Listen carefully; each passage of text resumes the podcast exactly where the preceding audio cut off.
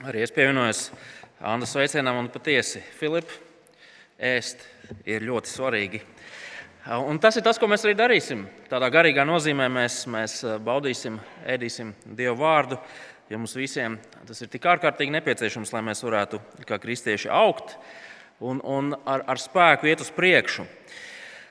Šajā svētdienā mēs iesāksim jaunu, es pat teiktu, ļoti gruntīgu Bībeles grāmatu. Un, un šī grāmata ir tik gruntīga, ka vai viena cita Bībeles grāmata tiešā vai netiešā veidā atsaucās uz šo grāmatu. Ja jūs esat lasījuši praviešu grāmatas vai psalmus, tad jūs bieži vien tur dzirdat kādas no otrās mūzes grāmatas idejām, vai Jēzus evaņģēlijos, vai apstuļu vēstulēs. Otrā mūzes grāmata ir ļoti, ļoti svarīga, jo tā runā par ļoti, ļoti svarīgiem notikumiem. Tādēļ, saprotot otro mūzes grāmatu, un tāds ir arī šī gada lielais mērķis, saprotot šo grāmatu labāk, mēs īstenībā vienlaikus arī saprotam Bībeles lielo stāstu daudz labāk. Tad, nu, pēc tāda neliela ievada, nolasīsim šīs dienas raksturvietu, kas nav īsa, divas nodaļas. Es ceru, ka balss neaizlūzīs un tiksim līdz galam. Draudzes Bībelē tā ir 67. lapuse, ja kāds mēģina vēl to atrast.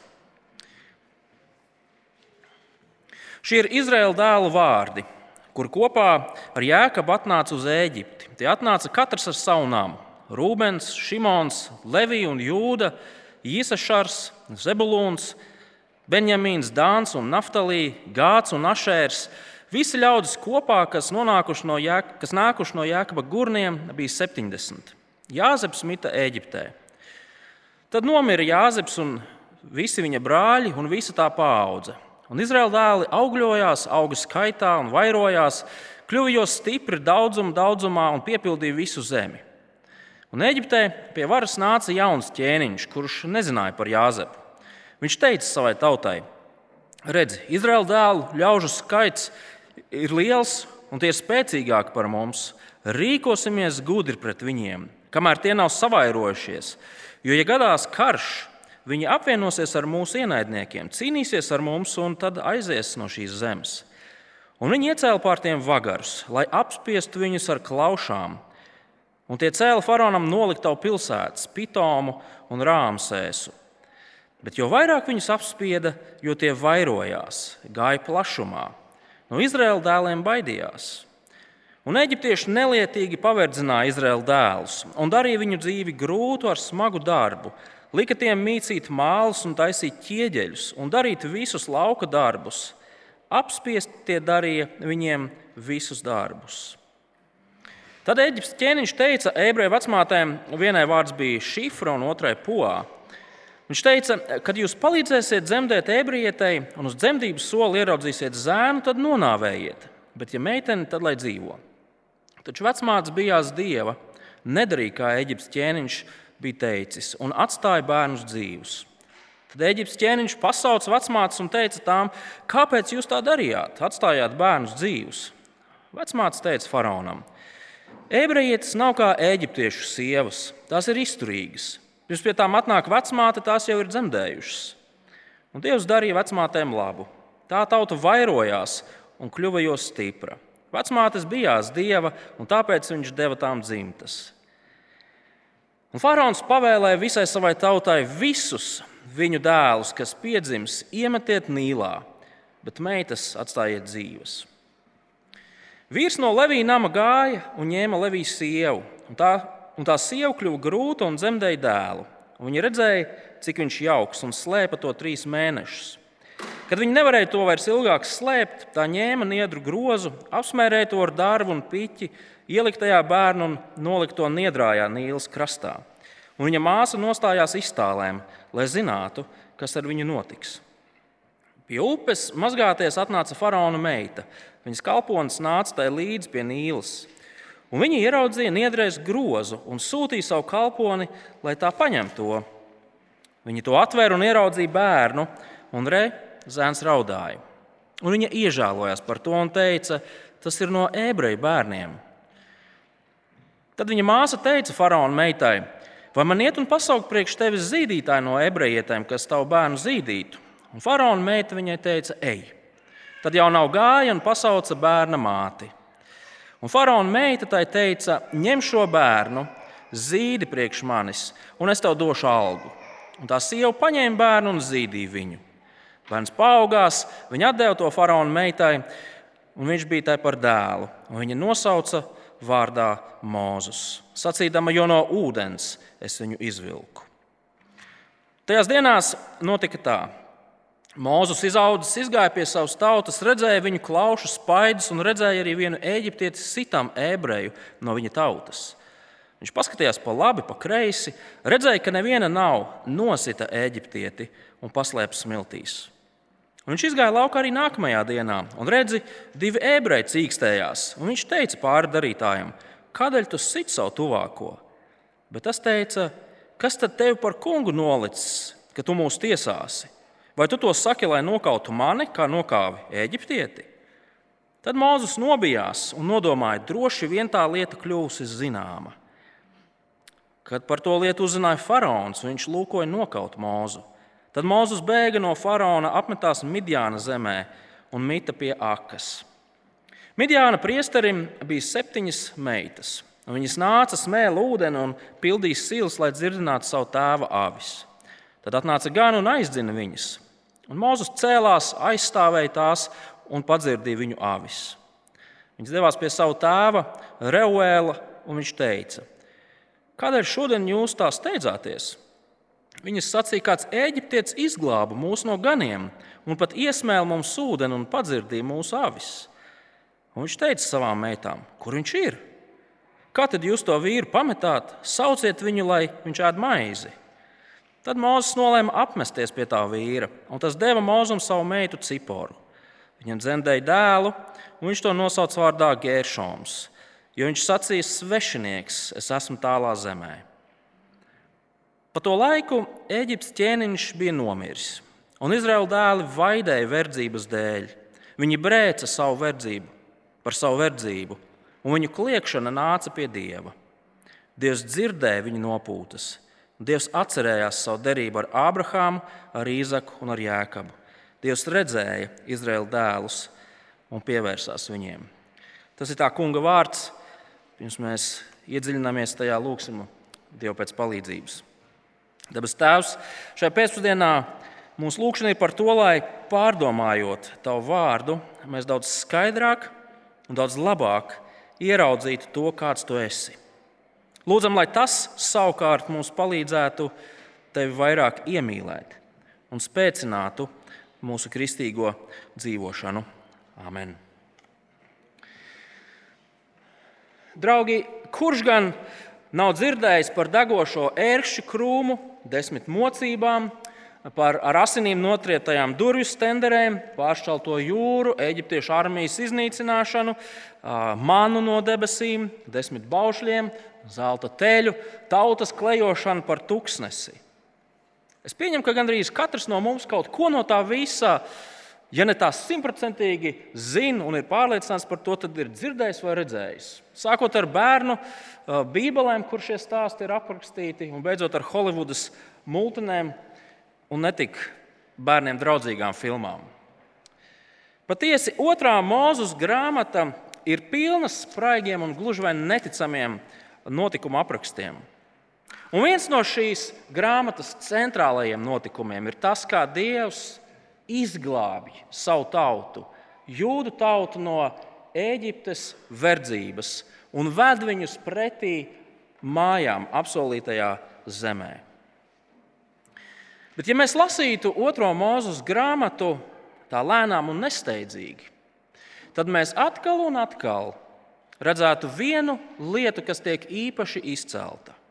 Proti, it viss šajā grāmatā notiek ar vienu vienīgu konkrētu mērķi - pazīt Dievu. Šīs grāmatas autors vēlas, lai cilvēki, kas to lasa, kas par to domā, kas par to runā, lai viņi pazītu Dievu. Tādēļ mēs līdz lieldienām aplūkosim šīs grāmatas pirmās 18 nodaļas. Bet sastās nodaļas eh, sākumā, no 6. līdz 8. pantam, mēs varam atrast, ja gribat tādu īsu kopsavilkumu par to, ka, ka, kas mums palīdzēs saprast to, kas tad un uz kurien šajās 18 nodaļās iet. 6. nodaļa no 6. līdz 8. pantam. Tādēļ saki Izraēla dēliem, es esmu kungs. Es izvedīšu jūs no Eģiptes jūga, izglābšu jūs no vargošanas, un es izpirkšu jūs ar izstieptu elkoni, ar varenu tiesu. Es ņemšu jūs sev par tautu, es būšu jums par dievu, un jūs zināsiet, ka es esmu kungs, jūsu dievs, kas izvedis jūs no Eģiptes jūga.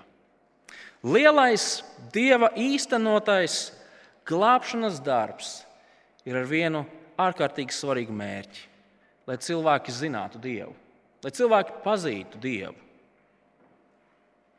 Un lasot šo grāmatu, mēs esam aicināti to neuztvert tikai par tādu, ziniet, vēstures literatūru, dažādu vēsturisku notikumu vai tāda spraiga sižeta romāns ar, ar, ar, ar asinīm un visu pārējo, kas tādos spraigos romānos tiek pieminēts. Nē, šī grāmata mums atklāja to, kāds nemainīgi cauri gadsimtiem ir Dievs. Šī grāmata mūs aicina iepazīt Dievu. Iespējams, šeit ir kāds, kurš neko daudz par Dievu nezina. Kāds cilvēks, kurš mēģina saprast, nu, kas tad tā Bībele tāda ir, kas tur ir atrodams, kam tad kristieši tic, šī ir brīnišķīga iespēja. Otrā mūzes grāmata ir brīnišķīga iespēja saprast to, tad ir Dievs. Šeit ir arī daudz tādu, kas gadu desmitiem tic Dievam, seko viņam. Šī brīnišķīga iespēja Dievu iepazīt vēl labāk. Tas ir iespējams pareizi. Un es īpaši gribu izaicināt jauniešus un bērnus. Šī brīnišķīga iespēja arī jums, ir īpaši kamēr nav svētdienas skola šeit sēžot un klausoties, uzzināt kaut ko vairāk par to Dievu, kam jūsu mājās uh, seko, kam jūsu mājās tic. Slavenais agrīnās baznīcas teologs, um, draugs kalpotājs Augustīns par Dievu reiz teica: Kurš gan tevi var piesaukt, tevi nepazīstot? Jo tas, kurš tevi nepazīst, tevi piesauc ne tādu, kāds tu patiesībā esi. Dievu nevar piesaukt viņu nepazīstot. Piesaucot nepazīstamu Dievu, mēs īstenībā nepiesaucam Dievu. Cik svarīga atziņa! Mēs sakām, ka mēs ticam Dievam, pielūdzam Dievu, kalpojam Dievam, gribam būt Dievam patīkami. Bet tieši kāds ir tas Dievs, kuram mēs kalpojam, kur mēs pielūdzam, kuram mēs gribam būt patīkami? Ir tik svarīgi, ka mēs pazīstam Dievu tādu, kādu Viņš sev ir atklājis. Nevis tādu, kādu pasaule ap mums viņu mālē, vai reizēm mēs paši iztēlojamies savā prātā. Ir ārkārtīgi muļķīgi un pat ārkārtīgi bīstami pašiem radīt Dievu pēc sava tēla. Un tāpēc, draugi, labā ziņa ir tāda, ka Dievs vēlas sevi atklāt. Un mēs pavadīsim šīs nākamās svētdienas raugoties tajā, ko Dievs par sevi atklāja. Un es ceru, ka Dieva iepazīšana caur otro mūzes grāmatu ietekmēs gan to, kā mēs viņu pielūdzam, gan to, kā mēs domājam par Dieva draugu, kuru Dievs glābi, gan to, kā mēs dzīvojam savu garlaicīgo ikdienas dzīvi, darbā, mājās, atpūtā. Es ceru, ka šīs grāmatas pārdomāšana mums visiem palīdzēs ieraudzīt to, ka mūsu Dievs, mūsu Dievs, kam mēs ticam, ir daudz lielāks daudz varenāks, daudz gudrāks, daudz mīlošāks, daudz labāks, daudz cienījamāks, saņemt visu mūsu pazemīgo pateicību, pielūgsmu un kalpošanu. Bet šī grāmata iesākās, un šķiet, ka Dievs vispār tur nav klātesošs. Viņš parādās tikai pašās, pašās uh, otrās nodaļas beigās, un arī tad liekas, tā, ka Dievs būtu ieskrējis. Teikt, viņš atstāja pienu vārīties katliņā, un pēc tam atcerējās, ka tur tūlīt viss piedegs. Taču patiesībā tā nav. Lai gan šīs divas nodaļas apraksta visnotaļ melnus, ciešanu un grūtību pilnus Izraēla tautas vēstures gadus, Dievs vienmēr ir klātesošs.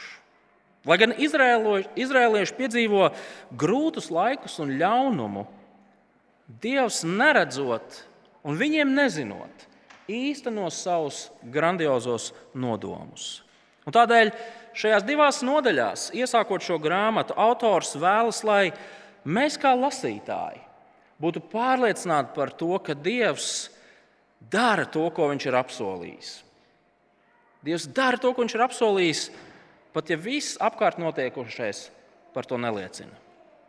Dievs dara to, ko ir apsolījis, pat ja viss pārējais šķietam liecina par pretējo.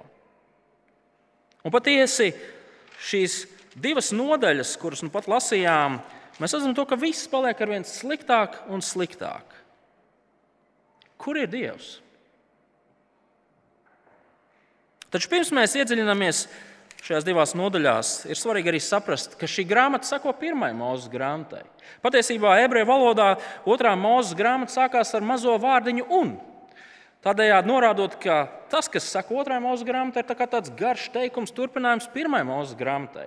Un lasot pirmo mūzes grāmatu, mēs redzam, ka viena no centrālajām lietām pirmajā mūzes grāmatā ir tas, kā Dievs izrauga Ābrahamu no visiem pasaules cilvēkiem un dod viņam grandios apsolījumus.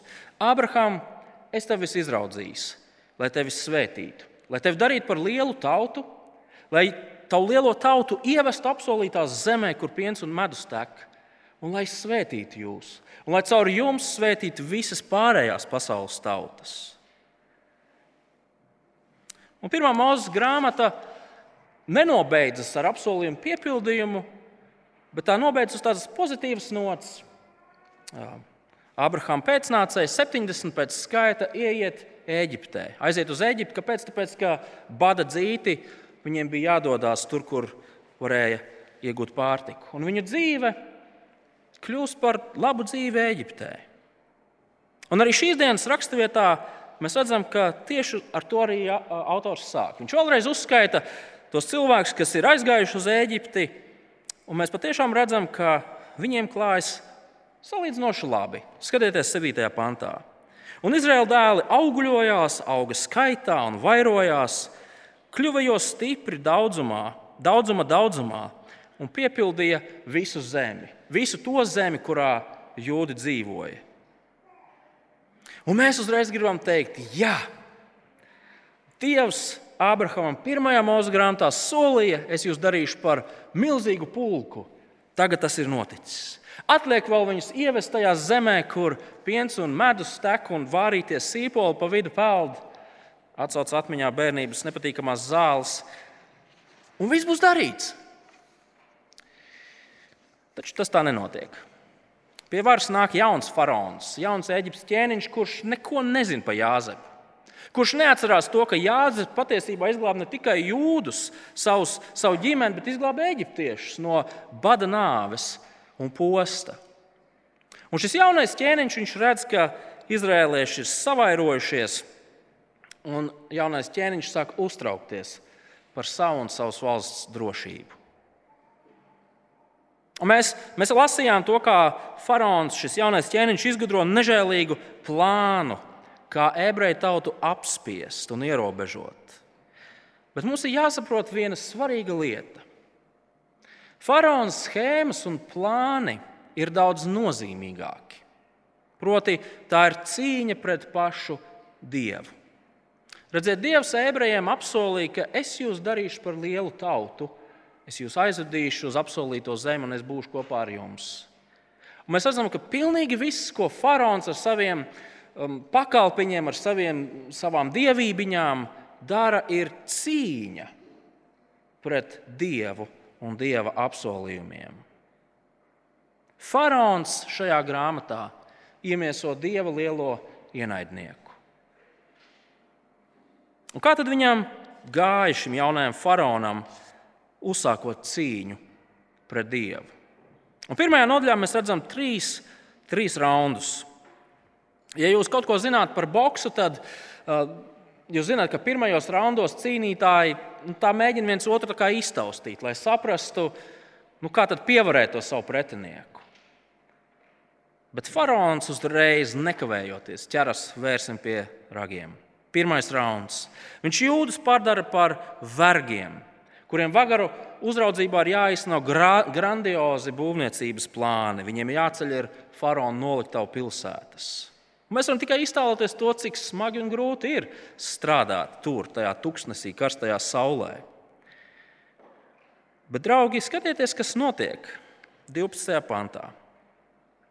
Bet jo vairāk viņus apspieda, jo tie vairojās un gāja plašumā, no Izraēla dēliem baidījās. Viņus apspieda, bet viņi vairojās un no viņiem baidījās. Sākas otrais rauns kurā faraons ebreju vecmātēm pavēlēja dzemdībās nogalināt visus jaundzimušos puikas. Skatieties, ko viņš teica 16. pantā. Kad jūs palīdzēsiet dzemdēt ebrejietei un uz dzemdības soli ieraudzīsiet zēnu, tad nonāvējiet, bet ja meiteni, tad lai dzīvo. Un mēs jau atkal varam savā iztēlē just līdz šīm sievietēm. Iedomājieties, kā tas ir sacelties un, un, un, un nonāvēt puikas. Bet, ja to neizdara, tad viņas sagaida nāve par nepaklausību faraona pavēlēm.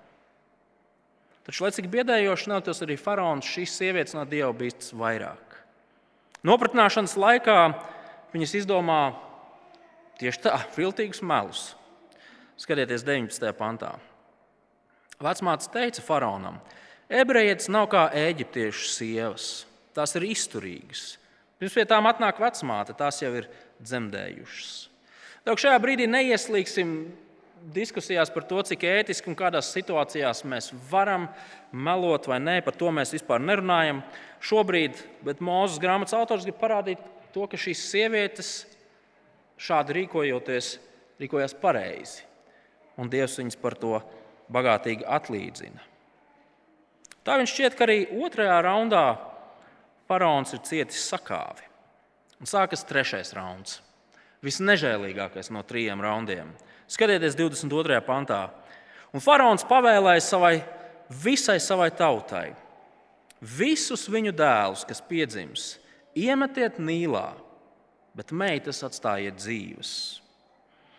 Reizēm sociālajos tīklos cilvēki bļaustās par to, ka mūsdienās kāds pret ko īsteno genocīdu Draugi, ja jūs gribat saprast genocīdu, skatieties, kas notiek šeit. Faraons ir devis zaļo gaismu iznīcināt jūdus, jaundzimušos jūdu zēnus. Viņš devis zaļo gaismu eģiptiešu kaimiņiem, uzzinot to, ka viņi ebreju kaimiņiem ir piedzimis puika, ielausties mājās pašiem vai iespējams paņemt kādus bruņotus sargus, atņemt mazo puisīti un iemest Nīlas upē, lai viņš noslīkst. Šausmas! Mums, kā lasītājiem, netiek pateikts tas, cik ļoti faraonam izdevās vai neizdevās īstenot šo boxa raundu, bet mēs varam droši pieņemt, ka daudzās ebreju ģimenēs kopš šīs pavēles izdošanas mātes un tēvi lēja gaužas asars, viņiem atņemot jaundzimušos puikas. Līdz ar to mēs pirmajā nodaļā redzam šo cīkstēšanos. Faraons no vienas puses, Dievs no otras puses. Un patiesībā visas šīs pirmās nodaļas līdz pat Izraēla iziešanai no Eģiptes verdzības raksturo šī cīņa. Faraons pret Dievu. Vai faraonam izdosies apturēt dieva nodomus un ieceres? Vai viņš uzvarēs? Tas ir lielais jautājums. Kurš ir stiprāks? Faraons vai dievs. Un otrā nodaļa beidzās ar to, kā Izraēla dēli vaid savas verdzības dēļ. Viņi sauc uz debesīm savu grūto apstākļu dēļ. Viņu dzīve ir kļuvusi arvien sarežģītāka un sarežģītāka, un tādēļ gluži dabiski pār viņu lūpām var nākt jautājums, Dievs, kur tu esi? Kur tu esi? Kāpēc tu neko nedari? Kāpēc tu nepalīdzi savai tautai? Viņi ir kļuvuši par vergiem, viņu dzīvības ir apdraudētas, viņiem smagi ir jāstrādā.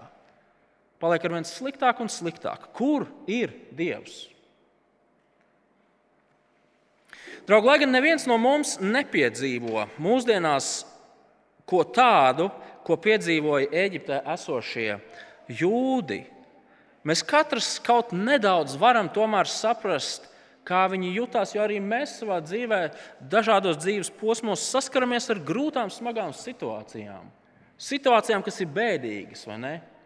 Kas, kas arī mums liek uzdot jautājumu, Dievs, nu, kāpēc? Nu, kur, kur tu esi un kāpēc tu man nepalīdzi? Un tas mūs novada pie otrās nodaļas, kurā mēs ieraugām to, ka Dievs visu dzird, visu redz visu kontrolē.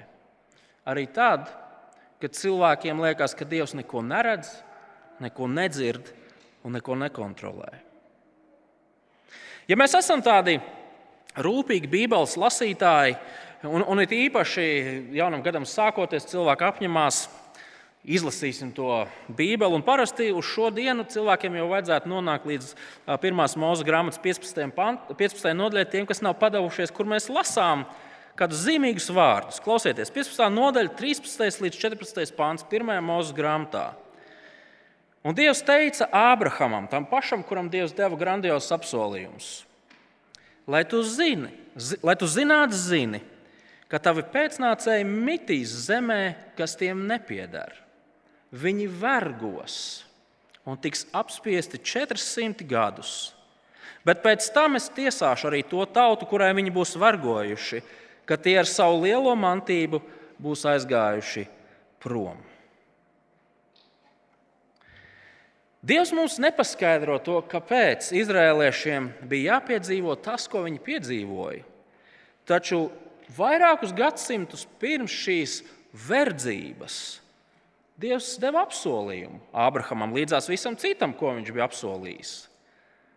Pirmkārt, būs verdzība, bet šī verdzība ir daļa no Dieva plāna. Mēs nezinām, kāpēc. Kāpēc verdzība ir daļa no Dieva plāna, bet tā ir daļa no Dieva plāna. Bet otrkārt, mēs redzam, ka 400 gadus vēlāk Dievs izglābs savus ļaudis un tiesās tos, kas viņus ir apspieduši.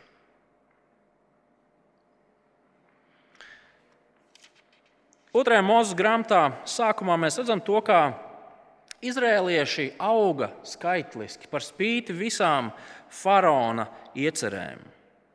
Un arī otrā nodaļa patiesībā mums liek noprast, un mēs tūlīt to arī redzēsim, ka kaut kas briest. Mēs neredzam vēl, bet kaut kas briest. Dažas lietas no otrās nodaļas. Pārskatīsim pavisam ātri pāri šai nodaļai.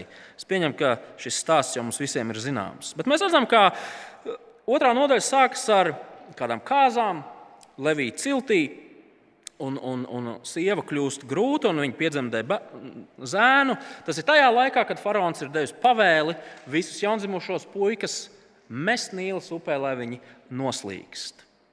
Mamma izdodas šo mazo puisānu trīs mēnešus slēpt, bet tad, kad tas vairs nav iespējams, viņa uztaisīja mazu kurvīti, groziņu, ieliek to puiku groziņā un ieliek Nīlas upes krastā niedrēs. Viņu, kur gadījies, kur nē, tajā vietā, tajā brīdī uzrādās faraona meita. Viņa atrod grozu, ierauga, ka tas ir ebreju puisēns, apžēlojas par viņu un nolēma mazo puisēnu paturēt. Un kamēr faraona meita prātoja, ko tagad darīt, kā un kur, nejauši garām ejoša meitene piedāvāja atrast kādu ebrejieti, kādu zīdītāju, kas mazo brēkulīti varētu barot. Šī nejaušā meitene sameklē nejaušu zīdītāju. Un faraona meita šai nejaušajai zīdītājai vēl saka, ņem šo mazuli, un es tev vēl maksāšu algu par to, ka tu dari šo darbu. Bērns paaugās, faraona meita viņu adoptēja kā savu dēlu, un nosauc to par mūzu no ūdens izvilkto. Mēs redzam šeit nelielu ironiju, vai ne? Tajā visā. Un mēs redzam arī vienu nejaušību pēc otras. Un tas viss izskatās aizdomīgi.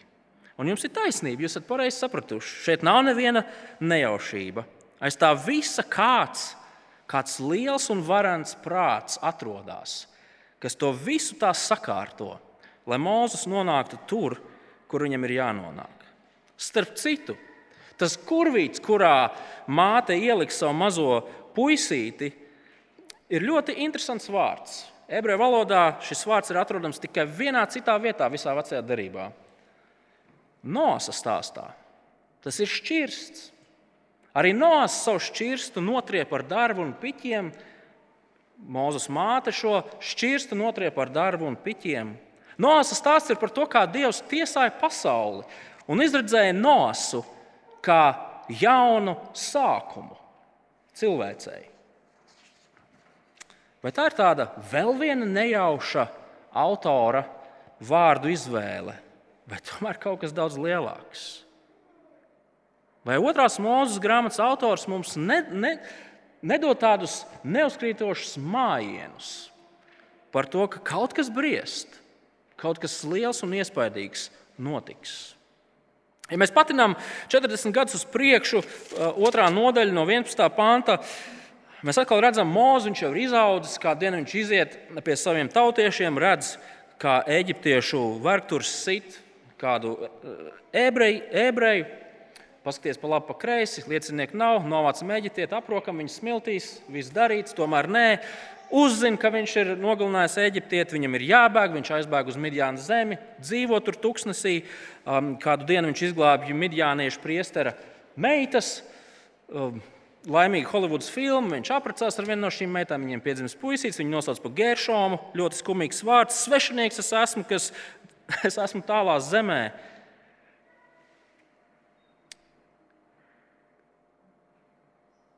Mūzes dzīves sākumā mēs esam redzējuši dažādas nejaušības, kas mums norāda uz to, ka Dievs nevienam nemanot, mūs gatavo kaut kam lielam. Un zinot to, kā notikumi attīstīsies, mēs redzam, ka caur šīm nejaušībām Dievs gatavo glābēju, kurš spēlēs centrālu uh, lomu šī dieva glābšanas plāna īstenošanā. Šobrīd šis glābējs ir tālu prom. Viņš ir svešinieks tālā zemē. Bet kādu dienu Dievs kaut ko darīs. Un otrās nodaļas beigas iezīmē šo kādu dienu. Skatieties, 23. līdz 25. pāns. Pa to laiku Eģiptes ķēniņš bija nomiris, un Izraēla dēli vaidēja verdzības dēļ. Viņi brēca par savu verdzību, un viņu kliēkšana nāca pie dieva. Dievs dzirdēja viņa nopūtas, un Dievs atcerējās savu derību ar Ābrahāmu, ar Īzaku un ar Jēkabu. Dievs redzēja Izraēla dēlus un pievērsās viņiem. Šie panti ir kā tas ilgi gaidītais iepriecinājums. Kur ir Dievs? Dievs ir tepat. Dievs dzirdēja savas tautas skaļās lūgšanas. Dievs redzēja to, kādos apstākļos viņa ļaudis dzīvoja. Un Dievs atcerējās savu derību ar Ābrahāmu, Īzaku un Jāekabu. Un Dievs pievērsās jūdu tautai. Frāze Dievs atcerējās nenozīmē to, ka Dievs bija kaut ko aizmirsis. Un mēs jau saprastu, Dievs taču galu galā ir tik, tik, tik svarīga persona, tik daudz kas jāpaspēj. Kāds tur brīnums, ka kaut kas aizmirstās. Domājot par šiem pantiem, nezinu, ka kaut kāda iemesla dēļ atcerējos par uh, vienu atgadījumu pirms daudziem, daudziem gadiem, kad es vēl strādāju ar jauniešiem. Kādā ziemā mēs ar pāris mašīnām domājam ar jauniešiem aizbraukt uz Siguldu. Bet pirms startēšanas mēs apstājāmies Jūglas benzīna tankā, lai ielietu degvielu mašīnās. Viss bija izdarīts, saucām mašīnās, braucām un kaut kur pie Rīgas apceļa man zvana Raivis, viens no jauniešiem. Es paceļu un tur klausulē šī izmisusī balss. Kur jūs esat? Izrādās, es viņu biju aizmirsis benzīna tankā. Nezinu kā, bet tā gadās. Draugi, Dievs neko nekad neaizmirst. Dievs nebija aizmirsis par savu derību. Dievs neminstinājās. Viņš nebija aizņemts ar kādām citām lietām un nepaspēja. Viņš ik brīdi skaidri zināja to, ko viņš bija apsolījis Ābrahamam, Īzakam, Jēkabam. Frāzes Dievs atcerējās un Dievs pieminēja, nozīmē to, ka nu beidzot ir pienācis laiks īstenot Dieva nodoma nākamo posmu. Tagad tas viss sākās. Kādu dienu Dievs izmantos šo bēglu un svešinieku mūzu, lai no verdzības izglābtu visu savu tautu. Un patiesi otrajā nodaļā aprakstītie Mūzes dzīves notikumi ir kā tāds neliels priekšskatījums tam, ko Dievs īstenos otrās Mūzes grāmatas nākamajās nodaļās. Mēs esam zināms paralēlis. Nu, piemēram, Mūzes redzēja netaisnīgo eģiptiešu rīcību un sita eģiptieti. Dievs redzēja netaisnīgo eģiptiešu rīcību un sita eģiptiešus. Mūzes izglāba sievietes no nekrietnējiem ganiem. Dievs izglāba ļaudis no nekrietnējiem eģiptiešiem. Šīs izglābtās midjāniešu sievietes apliecināja, ka Mozus viņu ir glābis. 18. nodaļā, kur mēs redzam, kā Izraels ir izglābts, mēs redzam vēl vienu midjānieti, kurš apliecina to, ka Dievs ir glābis. Neskatoties uz smagiem apstākļiem, kuros atrodas Dieva ļaudis šajā brīdī, Autors vēlas, lai ļaudis būtu droši, ka Dievs visu redz, Dievs visu dzird, Dievs visu kontrolē, Dievs nekur nav pazudis. Viņi var būt droši par to, ka Dievs acīm neredzot, gatavo kaut ko, lai īstajam brīdim pienākot, dāvātu grandiozu, milzīgu glābšanu. Šīs dienas raksturvieta mums māca vienu ārkārtīgi svarīgu lietu. Mēs varam uzticēties Dievam. Mums ir jāuzticas Dievam un pacietīgi jāgaida uz viņa apsolījumu piepildījumu. Otrā mūzes grāmata ir pierakstīta ar mērķi palīdzēt cilvēkiem pazīt kungu Dievu. Kāds viņš patiesībā ir? Kāds ir šis Dievs, kuram mēs ticam? Šīs ievadu nodaļas mums palīdz saprast to, ka Dievs darbojas un īsteno savus nodomus pat tad, kad mums tā neliekas. Vai kad mums liekas, ka vispār nekas labs nenotiek. Dievs gādā par saviem ļaudīm. Pat tad, kad viņa ļaudis iet cauri lielām ciešanām un grūtībām, viņš nekur nav pazudis. Viņš nav aizmirsis par saviem ļaudīm. Dieva ļaudis uz savas ādas var burtiski piedzīvot genocīdu, to, kā viņu bērni tiek nogalināti. Bet pat šāds ļaunums nespēja apturēt Dievu no tā, ka viņš īstajā laikā īstenos to, ko viņš ir iecerējis. Mēs visi šeit klātesošie, gan lieli, gan mazi, laiku pa laikam varam nonākt situācijās, kurās piedzīvojam šaubas, piedzīvojam sajūtu, ka Dievs ir kaut kur tālu bezdarbs, slimības, tuvinieku nāve, vientulība, depresija, attiecību krīzes, dumpīgi bērni, pašu raksturu vājums, covid krīze, ierobežojumi, vispārējais pasaules sajukums. Dievs, kur tu esi tajā visā? Kāpēc liekas, ka tu esi tik tālu? Kāpēc liekas, ka viss ir tik smagnēji? tik lēni. Un ik viena no šīm situācijām patiesībā ir mums dota iespēja pārbaudīt to, kādam dievam mēs īsti ticam. Visas šīs situācijas ir brīži, kuros mēs varam pārbaudīt, ko mēs patiesībā domājam par Dievu. Un šīs dienas raksturvieta mums mudina uzticēties Dievam. Pat tad, kad ar mūsu dzīvi notiek kaut kas tāds, ko mēs nevaram saprast. Jautājumi ir vairāk nekā atbildes. Pat tad, kad mums ir grūti, kad nevar pārelpot, Dievs ir ar saviem ļaudīm. Dievs ir ar mums, lai īstajā brīdī, sev vien zināmajā brīdī, īstenotu to, ko Viņš ir paredzējis, savu labo nodomu. Kāpēc mēs to ar tik milzīgu pārliecību varam teikt? Pirmkārt, mums ir dots šis vēsturiskais dokuments, kur ir aprakstīts tas, ka Dievs tiešām tā dara, kas mums māca to, kāds tad Dievs ir. Taču mums ir dots kas vēl vairāk. Mums ir dots Kristus. Klausieties, kas ir teikts vēstulē romiešiem 8. Um, 8. nodaļā. Ko lai mēs par to sakām? Ja Dievs ir par mums, kas būs pret mums? Kā tad viņš, kas savu paša dēlu nav audzējis, bet devis viņu par mums visiem, līdz ar viņu nedāvās mums visas lietas? Es vēlreiz nolasīšu šos pantus. Ko lai mēs par to sakām? Ja Dievs ir par mums, kas būs pret mums? Kā tad viņš, kas savu paša dēlu nav audzējis, bet devis viņu par mums visiem, līdz ar viņu nedāvās mums visas lietas? Dieva dēls Kristus ar savu krusta nāvi ir mūs atbrīvojis un ir mūs glābis. Mēs tagad piedarām viņam. Un kādu dienu mēs piedzīvosim pilnā mērā to, kā Dievs piepilda un dāvā absolūti visu, ko Viņš ir mums solījis.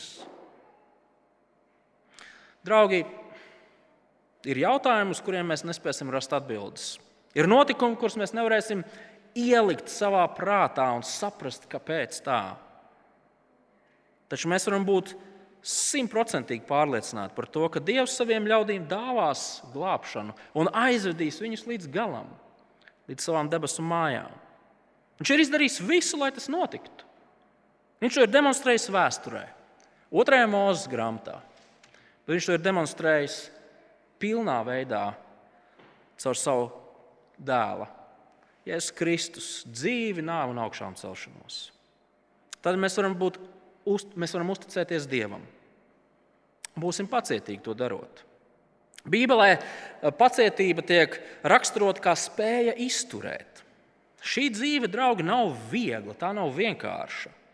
Tajā ir daudzas lietas, kas novērš mūsu uzmanību. Gan priecīgas lietas, gan bēdīgas lietas. Neļausimies bēdām, Neļausimies baudām. Turēsim acis uz mūsu glābēju. Pa, būsim pacietīgi un izturīgi. Un kādu dienu viņš izdarīs visu, ko viņš ir solījis savā vārdā izdarīt. Lūksim Dievu. Labais dabas tēvs, patiesi um, mēs atzīstam, ka tik bieži mēs uzdodam jautājumus par to, ko tu dari, kad tu darīsi. Un reizēm mēs patiešām savā šaubās arī krītam izmisumā. Mēs pateicamies par šo raksturvietu, kas mums tik skaidri atgādina, ka tu savus labos un, un grandiozos plānus un nodomus īsteno arī tad, ja tavu ļaudis neko nesaprot, neko neredz. Tad mēs pateicamies, ka tu esi tieši šāds Dievs, kurš izpilda to, ko ir solījis. Tu esi gana varans, lai to izdarītu. Pat vis, visļaunākie un visvarenākie šīs zemes valdnieki to nespēja apturēt, to nespēja mainīt. Tad nu, Tēvs mēs lūdzam, lai laikā, kad mēs gaidām uz Tavu apsolījumu pilnu piepildīšanos, mēs varētu turpināt uzticēties Tev. Un mēs varētu pacietīgi gaidīt uz to dienu.